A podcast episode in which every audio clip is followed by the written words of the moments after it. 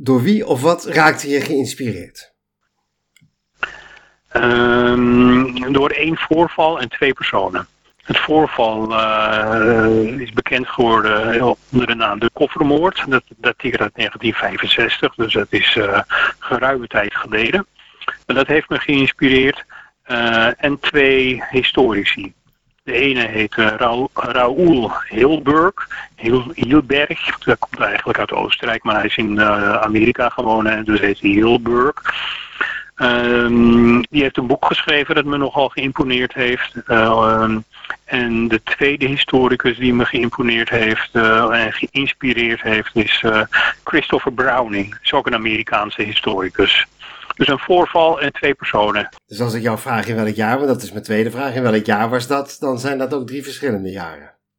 Ja, de koffermoord dateert van 1965 en uh, de boeken van uh, Hilberg en Browning, die heb ik een jaar of, nou, twee, drie geleden gelezen. En, en wat is het wat jou geïnspireerd maakt ook? Nou, uh, Raoul Hilberg uh, heeft een boek geschreven over de Tweede Wereldoorlog en dan eigenlijk alleen maar over ehm, de Holocaust.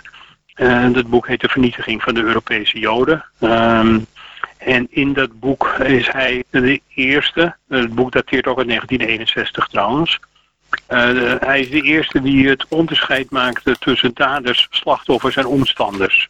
Nou, daders, wat het is, dat is, mogen duidelijk zijn, slachtoffers ook. En omstanders, dat zijn de mensen die uh, getuigen van waren.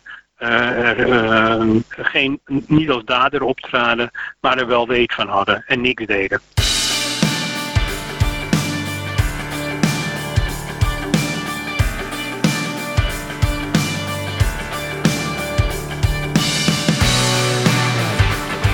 Dit is Luister je gelukkig.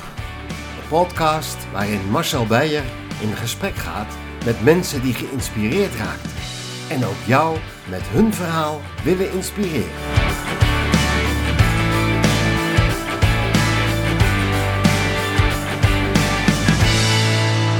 Uh, ik ben Paul van der Water. Ik ben in 1953 geboren in een uh, achterbuurt in Amsterdam. Althans, toen de tijd was het een achterbuurt, nu is het geloof ik een juppenbuurt. uh, bij de Jacob van Lennepkade ben ik geboren. Um, ik heb uh, uh, vrij lang en vrij veel gestudeerd. En ik heb een langdurig bestaan opgebouwd in het onderwijs. Ik heb in alle geledingen van het onderwijs gewerkt. Zeg maar vanaf het lage beroepsonderwijs tot en met de universiteit heb ik als docent en als manager gewerkt. En ik heb een paar jaar in het bedrijfsleven gewerkt. Ik ben ondertussen met pensioen. Ja. En ik vul mijn uh, tijd met, uh, met schrijven. Enerzijds van recensies, uh, anderzijds van het schrijven van boeken. Mijn eerste boek is vorige week uitgekomen. Ja. en dat boek gaat over de daders van misdrijven tijden, in, in, Nederland gepleegd tijdens de Tweede Wereldoorlog. En ik ben een proefschrift aan het schrijven, dus ik hoop over een jaar na een dik jaar te promoveren op het onderwerp gewelddadige collaborateurs. Ja, nou gaat deze podcast gaat over inspiratie en over het vinden van geluk.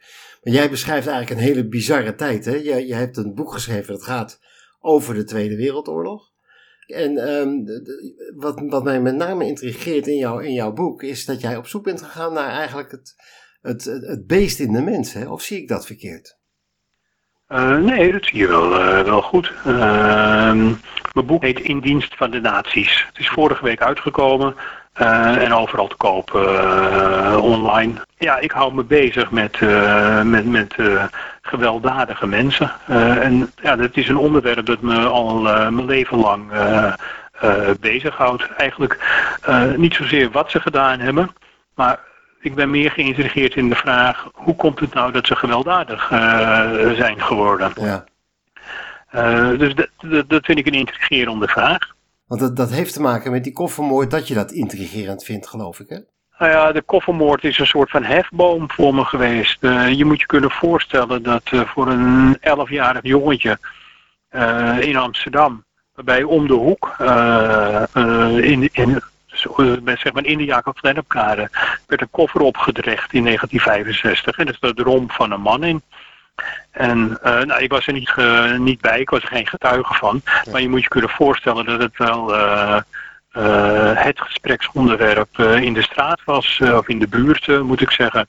Iedereen hield zich daarmee bezig.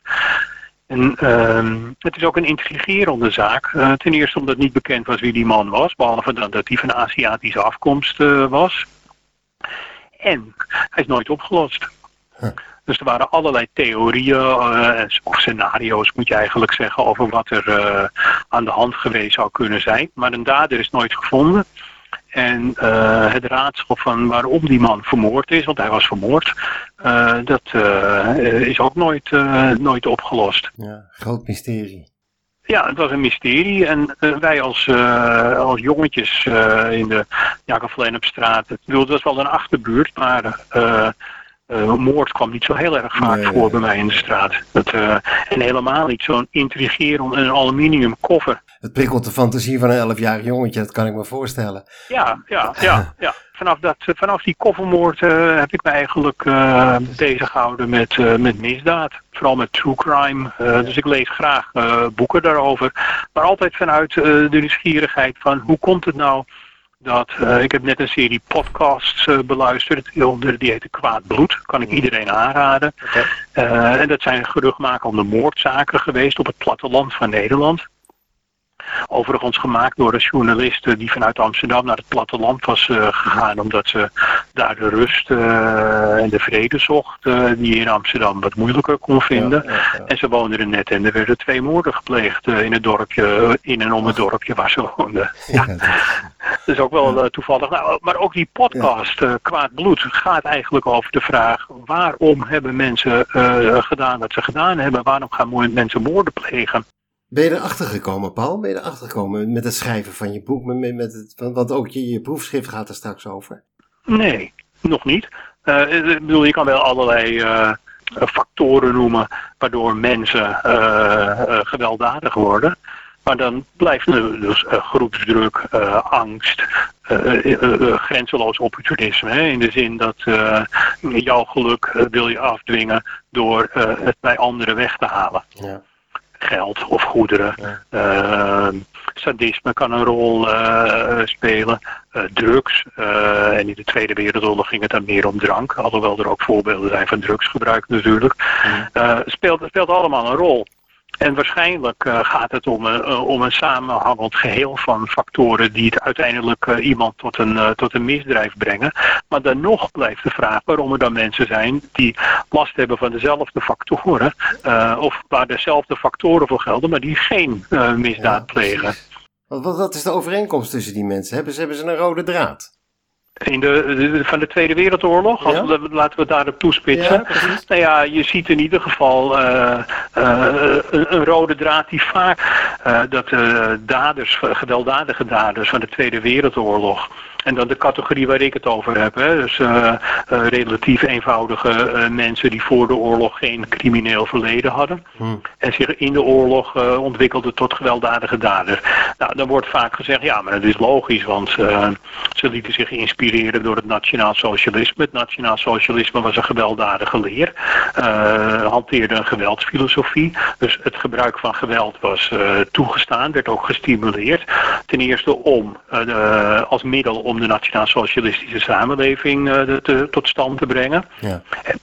Dat was volgens het nationaal socialisme een betere samenleving dan de democratie of dan de communistische samenleving. Um, dat, uh, dus mensen lieten zich. Uh, en de geweld was toegestaan om die samenleving te realiseren, maar was ook toegestaan om tegenstanders van de nationaal-socialistische idealen uit te schakelen. Nou ja, uh, dat zou kunnen, maar in mijn onderzoek, en ik heb een stuk of 40, 50 gewelddadige daders onderzocht, en er zijn er hooguit twee of drie. Uh, misschien dat, uh, dat ik straks tot de conclusie kom dat het er vier zijn, maar het is een hele kleine minderheid die zich door de politieke overtuiging of door ideologie lieten inspireren of gewelddadig werden. Dat, dat kwam niet zo vaak voor. Het was meer een middel eigenlijk.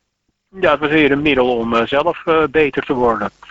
Uh, dus er waren wel uh, mensen die zich ideologisch lieten inspireren, maar een kleine minderheid. En um, als je bijvoorbeeld kijkt naar een, een gewelddadige groep als Uh, die, heten, die worden, werden na de oorlog uh, de bloedploeg Norg genoemd. Norg is een plek, plaatsje in Drenthe. Ja. En daar waren een stuk of zeven mannen actief. Uh, die allemaal zeer gewelddadig waren. En daar de meest vreselijke misdrijven hebben begaan. in de zin van moord, doodslag, marteling, plundering. die waren echt de schrik van, van, van, van die omgeving. Hm. Als je naar die mannen kijkt, dan zie je dat ze in ieder geval een aantal dingen gemeenschappelijk hebben. Bijvoorbeeld uh, een, een, een, zeer armoedige uh, jeugd. Ehm, uh, in deplorabele omstandigheden. Een van die daders die kwam uit een gezin met 16 kinderen. en 16 kinderen was toen de tijd ook veel. Ja, ja dat kan me voorstellen. En um, ehm, 16 kinderen en geen geld. Um, en, en geen vader. Die was er gewoon niet. Ja, dat was dus uh, één doffe ellende. Die jongen die werd toen hij, toen negen was op de straat opgestuurd uh, om uh, daar zijn eten bij elkaar te scharrelen voor zichzelf en zijn broers en zussen. Nou, die, al die zeven mensen van de bloedploeg Norg hebben een bijzonder deplorabele jeugd gehad. Oké, oké. Dat is gemeenschappelijk, dat zie je bij alle zeven. Maar er zijn natuurlijk ook tal van mensen die een deplorabele jeugd hebben gehad en die niet uh, crimineel zijn geworden of geen zware misdrijven hebben begaan. En waar dan Wat bij die bloedploeg Norg ook speelde was uh, drankgebruik. Uh, ze waren allemaal zwaar aan de alcohol. Maar dan kun je je afvragen, waren ze nou, raakten ze aan de alcohol zodat de drempel om misdrijven te plegen lager werd? Ja. Of raakten ze aan de alcohol omdat de misdrijven die ze gepleegd hebben, uh, om, om, die te verdrinken als het ware in alcohol. Ja. Dat zou ook kunnen. Ja. En er waren natuurlijk ook alcoholisten die helemaal geen misdrijven pleegden. dus alcohol is ook niet een bepalende factor uh, uh, geweest. Het is een beetje beangstigend, Paul, daarin dat je eigenlijk dus tot zo'n staat kan overgaan als mens. He, dus voor de oorlog ben je een, eigenlijk een, een nobody, hè? je leeft gewoon je leventje. En, en zoiets als een oorlog kan ineens iets in je losmaken, kennelijk. Ja, en um, ja, wat volgens mij uh, bij bijna alle gewelddadige collaborateurs een uh, rol speelt. En, en dan komt Christopher Browning, een van mijn inspiratiebronnen, ook ja. om de hoek kijken. Dat is groepsdwang. Uh, je maakt deel uit van een groep. Uh, en die groep maakt weer onderdeel uit van een groter geheel. En in het grotere geheel is geweld een normaal verschijnsel. En binnen jouw groep, uh, uh, in de groep wordt dat overgenomen. Dus een kleinere groep mensen, zoals de bloedploeg Norg.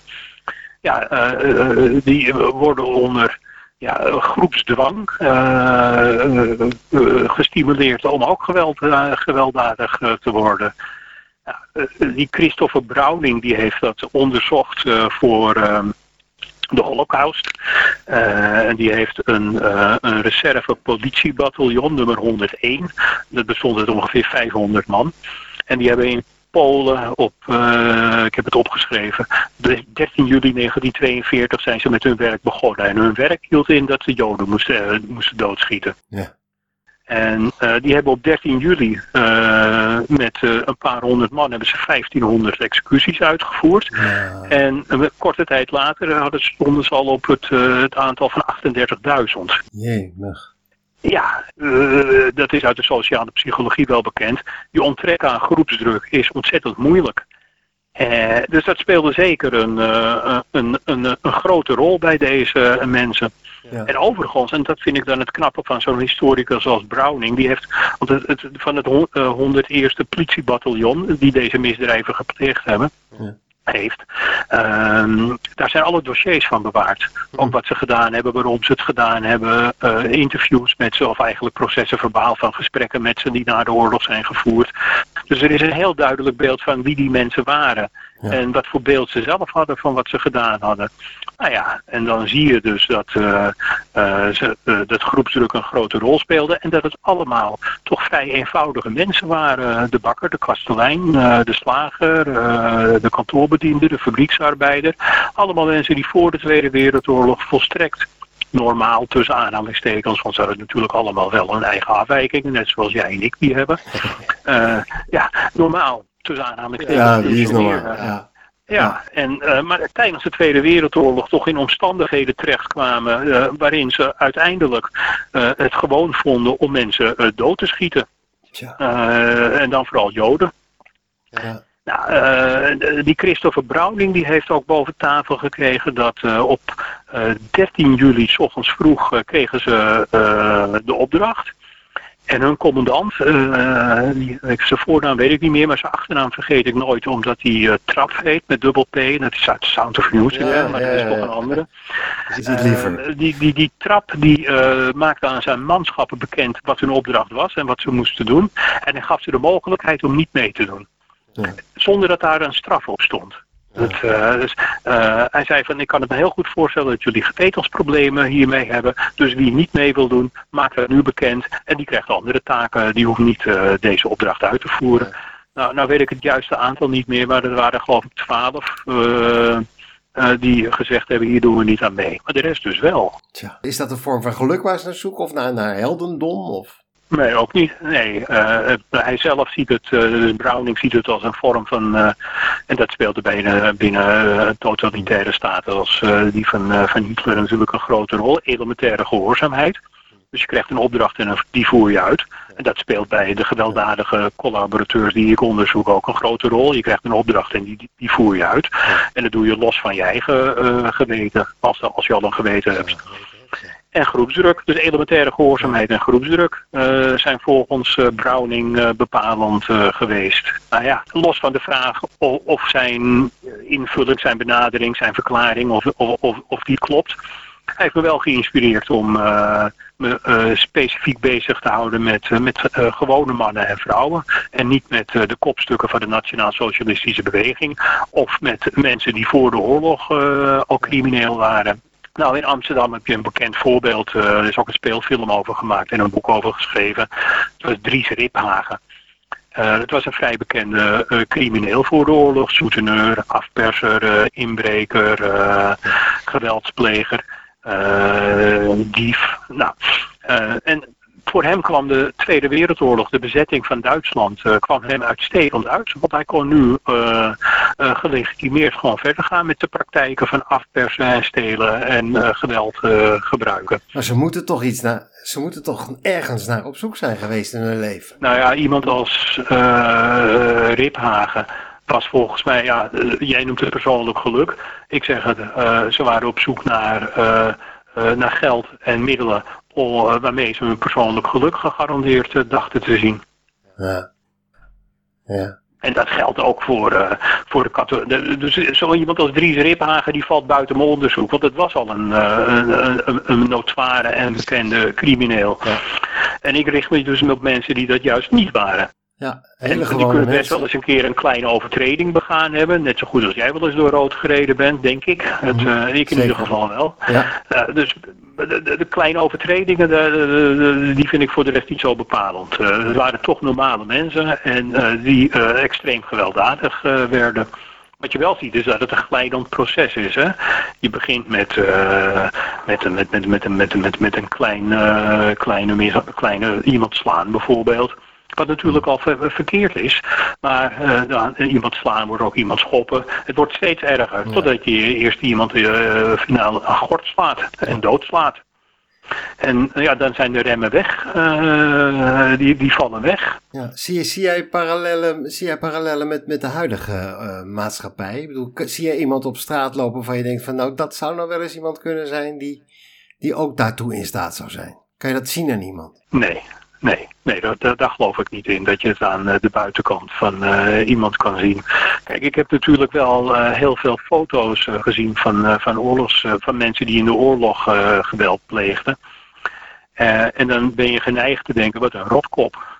dat, uh, ja, en wat kijkt die smerig. Ja. Maar ja, dat zijn natuurlijk wel, die foto's zijn allemaal genomen nadat ze gearresteerd Precies, waren en ja. een tijdje in de gevangenis uh, hebben gezeten. En het zijn over het algemeen niet de meest uh, mooie foto's, die, van, foto's waar mensen echt plezierig op staan. Dus ik geloof er niet in dat je dit aan de buitenkant kan zien. en overigens, ja. nou, nog één ding, anders is het misschien een misverstand. Je kan ook het denken van, eh, dat heb ik net ook gezegd, van uh, bij die bloedploeg Norg. Dat waren allemaal mensen met een, uh, met een, uit een armoedig milieu, deplorabele opvoeding. Um, maar er waren ook mensen uh, uh, die geweld pleegden terwijl ze een prima opvoeding hadden gehad en een gelukkige jeugd. dat was weliswaar een, een, minderheid volgens mij, maar die waren er wel. Je had in, in Friesland volgens mij een vrij beruchte arts, dokter Ozinga. Nou, het was niet de meest prettige uh, dokter. Hij heeft zich als medicus uh, niet uh, bezig gehouden met medische experimenten, want die waren er natuurlijk ook. Ja. maar hij was ook landwachter en hij spoorde mensen op. En hij moest mensen, dat was zijn vak, hij moest mensen keuren voor de arbeidsdienst. Nou, je moest wel dood zijn om door hem afgekeurd te worden. dat, ja. ja. En dat was ook niet zo'n prettig, prettig man. Er was voor de rest in, in, zijn jeugd en zijn opvoeding niks mis. Nee, dan laat ik het dan in een brede verbrand trekken, Paul. Um, van, uh, je kan het misschien niet in iemand zien, maar zou een tijdsgeest kunnen ontstaan waarin mensen weer tot zulke daden in staat zijn? Ja, daar geloof ik wel in, ja. Het, uh, en je ziet het nu trouwens ook bij, uh, bij, bij radicalisering, zowel van, van rechts, extreem rechts, hier in Nederland, maar ook in, in, in Amerika. Um, en vooral in Amerika, maar je ziet het ook bij moslimterroristen. Ja. Ook die hebben een. Uh, ja, ik vind het moeilijk om daar generieke uitspraken over te doen. Maar het zou me niks verbazen als, als een, een, aantal moslimterroristen ook niet de meest prettige jeugd uh, hebben gehad. Precies.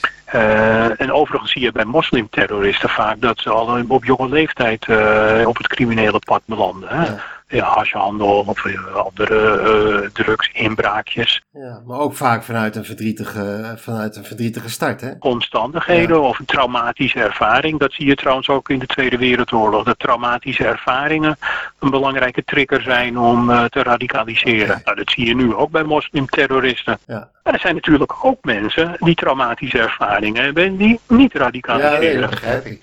Hoe, hoe is het afgelopen met, met die mensen die je in je boek beschrijft? Nou, over het algemeen uh, niet zo best. Uh, de meest, uh, een aantal is aan rechtsvervolging ontsnapt. Dus die zijn meteen naar Spanje of Duitsland of naar Argentinië, Zuid-Amerika gegaan.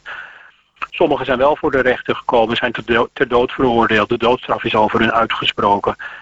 of tot levenslang veroordeeld, maar ze slaagden erin om te ontsnappen. Uh, en alsnog naar Duitsland, uh, Spanje of uh, Zuid-Amerika te gaan. en een aantal is wat daadwerkelijk veroordeeld. een aantal is ter dood veroordeeld. dus de leider van de bloedploeg, Norg, die, die is op 1 mei 1947, zeg ik nu uit mijn hoofd, geëxecuteerd. Vuurpeloton, doodstraf uitgesproken. kon niet in hoger beroep, of in cassatie heette het eigenlijk. Je hebt ook een voorbeeld van iemand die, wel, die wel succesvol is, hè? Eh, dat is de derde categorie. Eh, mensen die uh, veroordeeld zijn tot levenslang of een langdurige gevangenisstraf, maar uiteindelijk in cassatie of door middel van, en of door middel van gratie relatief kort in de gevangenis gezeten hebben. Relatief kort in het licht van de misdrijven die ze gepleegd hebben. Nou ja, een bekend voorbeeld is, is Jan Meekhoff, is een Drent die in Friesland uh, samen met een paar andere mannen uh, de meest gruwelijke dingen heeft gedaan. Die is in eerste instantie ter dood veroordeeld. In, in cassatie werd het omgezet in levenslang. En na gratie werd hij, eh, dat zeg ik nu ook uit mijn hoofd, in 1958 of zo vrijgelaten. Hm. Die vervolgens erin slaagde om een uh, behoorlijk succesvol leven op te bouwen. Nieuwe vrouw, dus, hij was van zijn eerste vrouw gescheiden. Nieuwe vrouw, nieuwe kinderen, uh, een, een, goede baan bij Husqvarna als salesmanager. Uh, mooi huis, uh, ergens in, uh, in de buurt van, van geloof in Zeist of in Utrecht in ieder geval. Ja. En een succesvol leven. En er waren wel meer voorbeelden van. Maar er waren ook, zijn ook voorbeelden van gewelddadige collaborateurs die ook in 1959, 58 werden vrijgelaten door middel van gratie. En eigenlijk ja, in, in mentale opzicht in ieder geval een lager wal uh, raakten. Dus eigenlijk niet meer uh, konden functioneren in uh, wat wij de, de, de gewone samenleving noemden. Voorbeeld is Lucas Bunt. Het was trouwens een, een, collega van Jan Meekhoff. Dus met Jan Meekhoff ging het na, na zijn vrijlating prima. Lucas Bunt, ja, die kon niet meer functioneren. dus hij, werd wel, hij kreeg wel een baantje als ontbijtkok, zodat hij niet meer overdag hoefde te, buiten hoef, onder de mensen hoefde te komen. De ontbijtkok begint s ochtends om drie uur en om acht uur, half negen, negen uur gaat hij naar huis. Dat deed Lucas Bunt. en die ging daar het liefst met de gordijnen dicht de hele dag in zo'n leunstoel zitten, zware check roken. Ja. Dus die, die had niet echt een gelukkig leven meer. Maar zo'n zo, zo make-off, zou die, zou die man dan eh, ik weet niet of daar nog dingen van bekend zijn, maar zou, zou ze geweten dan toch nooit meer opgespeeld hebben, denk je? Hmm, ja, dat weet ik natuurlijk niet zeker, maar wat ik wel weet is dat uh, een groot aantal van deze gewelddadige collaborateurs, uh, die hadden misschien wel een geweten, maar het was ondergeschikt aan uh, vooral de opdrachten die ze moesten uitvoeren. Dus dan moest je je eigen geweten uitschakelen. De opdracht ging boven, boven, boven je eigen moraliteit. Ja, maar ik bedoel meer na afloop, Paul. De, de, de, oorlog is voorbij, die man die gaat bij Hustvarna aan de slag, wat jij zegt. Op dat moment, als, ieder, als, de, als de wereld weer zijn gewone gang gaat, zeg maar. Zou, zou die man nooit nachten wakker hebben gelegen, denk je? Of, of... Dat weet ik niet. Nee, ik heb wel met zijn dochter gesproken. En die durfde die vraag ook niet te beantwoorden. Ze heeft haar vader nooit uh, kunnen betrappen op uh, dat hij uh, zich ellendig voelde en dat soort zaken. Maar dat wil natuurlijk niet zeggen dat hij s'nachts achtervolgd kan zijn door beelden. Nee, nee. Een ander voorbeeld is Dikke Sieraad heet hij, met een C, Sieraad. En die heeft, naast, die heeft ook vrij ernstige dingen gedaan. En na de oorlog, eh, na zijn vrijlating, uh, heeft hij daar weinig, dat weet ik eigenlijk wel zeker, uh, weinig tot geen last van gehad. zijn dochter heeft daar wel uitspraken over gedaan. Die is voortijdig het huis uitgegaan. Zijn vader, haar vader ontpopte zich gewoon als een, als een tiran. En ze zat op het gymnasium, maar dat vond hij onzin. een meisje hoeft niet op het gymnasium, dus ze werd teruggezet naar de MMS. Ja, die, hij heeft waarschijnlijk, Zeker weten doe ik het niet, maar ik kan me heel goed voorstellen dat die man zich niet heeft laten mm. lastig, eh, dat die man zich niet lastig liet vallen door zijn geweten. Uh, dan zei jij in het begin van het gesprek van het is, het is niet, niet echt dat het idealisme is, dat die mensen gedreven werden door, door, een, uh, door een idealisme. Ben je niet heel verdrietig geworden als je zo'n boek schrijft, dat je de geloof in de mensheid verliest of zo? Of juist niet? Nee, nee, gelukkig niet. Nee, nee want er zijn natuurlijk altijd. Het is een, een, een relatief kleine groep die uh, gewelddadig werd. Hè? De grote groep in Nederland werd het helemaal niet. Uh, terwijl ze in soortgelijke omstandigheden uh, verkeren. Nee, het maakt mij niet verdrietig. verdrietig en ik, geloof, ik, raak ook mijn geloof in de mensheid niet kwijt. Ik ga nog steeds uit van dat de mens in aanleg goed is. en niet slecht. Um, kijk, wat je eigenlijk wil, hè, is uh, dat je een uh, verklaring geeft van, uh, nou, om die en die reden is het begrijpelijk dat mensen tot gewelddadig gedrag komen. En we kunnen dus ook op basis van, die, van zo'n verklaringsmodel kunnen we voorspellingen doen. Ja. Van iemand die in die en die omstandigheden zit, ja, de kans is levensgroot dat hij inderdaad gewelddadig wordt. Die illusie heb ik niet, dat ik zo'n voorspellend model kan maken. Daar geloof ik niet in. Overigens, en daar hebben we het helemaal niet over gehad, maar uh, uh, er zaten natuurlijk ook nogal wat gewelddadige mensen bij het verzet. Oh, dat geloof ik ook wel, ja. ja. Daar heb ik me niet zozeer mee bezig gehouden hoor. Maar van sommigen kun je je afvragen van hadden die niet uh, met een duw in een andere richting, hadden die net zo goed geen collaborateur kunnen, kunnen zijn. Ja. Maar neem een vrouw als, als Hannie Schaft. Ja, die pleegde toch vrij ruksigloos moorden. En dat moet toch, je moet toch een bepaalde instelling hebben om dat uh, te kunnen doen. En, het was niet alleen Hannie Schaft. Uh, er zijn ook voorbeelden van uh, verzetstrijders die geen probleem mee hadden om collaborateurs of Duitsers te martelen. ja, dat is natuurlijk ook een bepaalde mentaliteit en instelling. Alleen, ja, die mensen worden dat, dat wordt deels goed, uh, goedgekeurd omdat ze zich verzetten tegen, tegen, tegen een agressor. Ja. En dat is toch wat anders dan uh, de daden verricht door een agressor. Ja. Uh, er is een, uh, een, vrij bekende socioloog in Nederland, Abraham de Zwaan, en die zegt van, ja, ik kan me niet voorstellen, zegt hij, nee, ik, ik parafraseer hoor, maar hij zegt, ik kan me niet voorstellen dat in welke omstandigheden ook ik tot geweld over zou gaan. Ja, dat is een gedachte die ik wel weer tegenkom. En ja, eigenlijk denk ik dat dat toch een vrij naïeve gedachte is. Ja, ik, denk dat er ook omstandigheden zijn dat ik tot geweld over kan gaan. Als mijn kinderen, toen mijn kinderen jong waren, nu weet ik het niet, maar als ze mijn kinderen uh, aangerand of verkracht hadden, ja, dan sta ik ook niet voor mezelf in, denk ik. Dus ik Ja. vind het tamelijk naïef om te zeggen van, Ja. eh, dat iemand zich totaal niet kan voorstellen dat hij of zij tot geweld over zou kunnen gaan, eh, welke omstandigheden hij ook in verkeert. Ja, het geruststellende, het geruststellende in jouw verhaal vind ik wel dat je net zegt van eh, het leeuwendeel van de mensheid is goed. Dat geloof ik ook. Oké. Het boek ligt in de winkel, zeg je. Het is overal te koop. Ja, overal te koop, 25 euro, uitgever Omniboek. En het is een mooi boek, vind ik zelf. Oké, Paul. Ik dank je hartelijk voor dit gesprek. Het was, eh, het was fijn om je te spreken. Heb jij ook een inspirerend verhaal? Laat het me weten via www.luisterjegelukkig.nl